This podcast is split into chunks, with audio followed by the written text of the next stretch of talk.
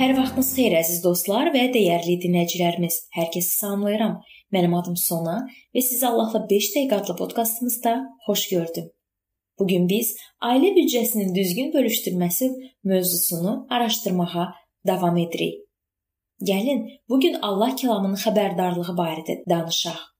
Yəqin ki, hər bir imanlıya bu sözlər tanışdır. Luka 18:25-də yazılıb.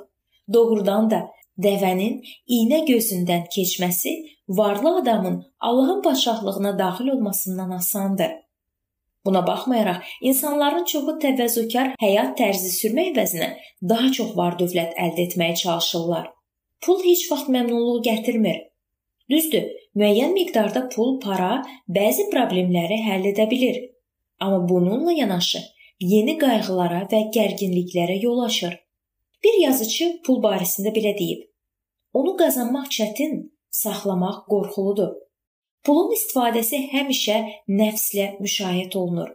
Ondan sui-istifadə edəndə özünü günahkar hiss edirsən. Pulu itirəndə kədərlənirsən. Ağıllı xərcləmək isə çətindir. İnsan müxtəlif növ sevimli əşyalarla əhatə oluna, bununla yanaşı məmnuniyyətsizlik və narahatlıq hissinin içini necə boşaltdığını duya bilər. Müqəddəs kitabda insanların maliyyə məsələlərinə olan münasibətləri və onlardan ağılla istifadə barədə tez-tez danışılır. Bu mövzunun sonunda maddiyyata qarşı yanlış münasibətə dair xəbərdarlığın səsləndiyi 1-ci Timotey 4-cü fəslə baxacağıq. 1-ci narazılıq.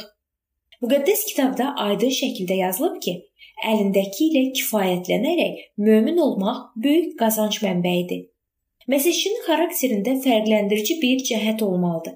Kifayətlənmək.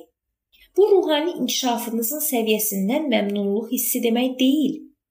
Ruhani inkişaf üçün imkan və zərurət həmişə var. Amma biz əlimizdəki ilə kifayətlənməyə çalışmalıyıq.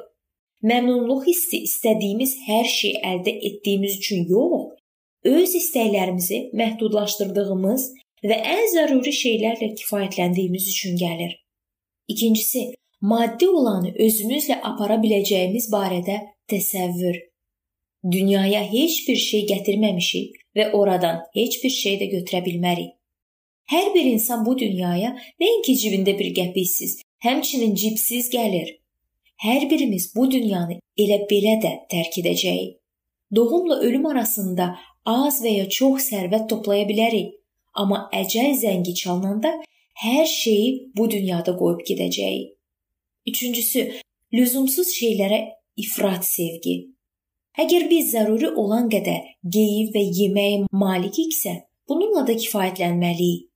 Orijinalda paltar sözü örtük sözündən götürülüb. Bu söz həm paltara, həm də evin damına aiddir. Buna görə də əgər yeməyimiz, paltarımız və başımızın üzərində dam varsa, bununla kifayətlənməliyik. Səmavi atamız nəyə ehtiyacımızın olduğunu bilir. Maddi zənginliyin bol olduğu dövrümüzdə yığmaq, qazanc əldə etmək, ehtirasının qurbanı olmaq çox asandır. Maddi dəyərlər insanın ürəyindən iki əlli yapışa bilər. Bütün dünyada çoxlu sayda adamın alış-veriş vərdişinə böyük təsir göstərən iki faktor var.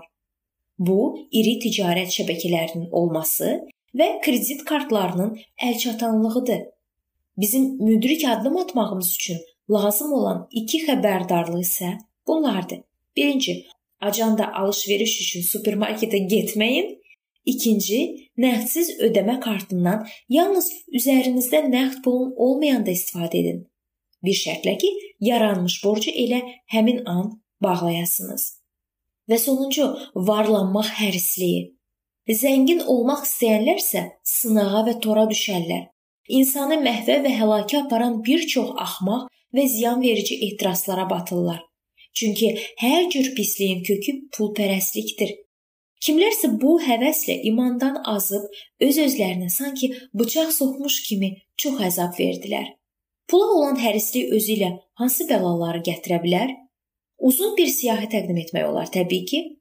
Pula olan sevgi egoizm, vicdansızlıq, paxıllıq, düşmənçilik, nifrət, fırıldaqçılıq, qumarbazlıq, yalançılıq, soyğunçuluq, şiddət, hətta fahişəlik və qətli meydana gətirir. Zəiflərin və müdafiəsiz qalanların yaxşı işlərə qarşı laqeydliyin və dostların xəyanətinin arxasında tamahkarlıq dayanır. Cah-Cəlal aşiqliyi çox sayda insanı mənəvi ölmə sürükləyən şeytanın tələlərindən biridir. 10-cu ayədə aydın şəkildə deyilir ki, oğurluq və yalana var dövlətdən çox var dövlətə hərisliyi səbəb olur. Beləliklə, həqiqətən də bütün bəlaların kökündə pula hərislik dayanır. Bu maraqlı mövzunun davamını biz növbəti görüşümüzdə araşdıracağıq.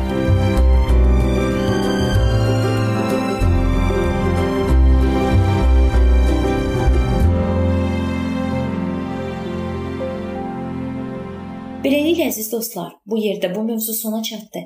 Hər zaman olduğu kimi sizi dəvət edirəm ki, bizim podkastlarımızı Facebook səhifəmizdən və YouTube kanalımızdan dinləməyə davam eləyəsiniz. İndi isə mən sizinlə sağollaşıram və növbəti görüşlərdə görmək ümidi ilə sağ olun, salamat qalın.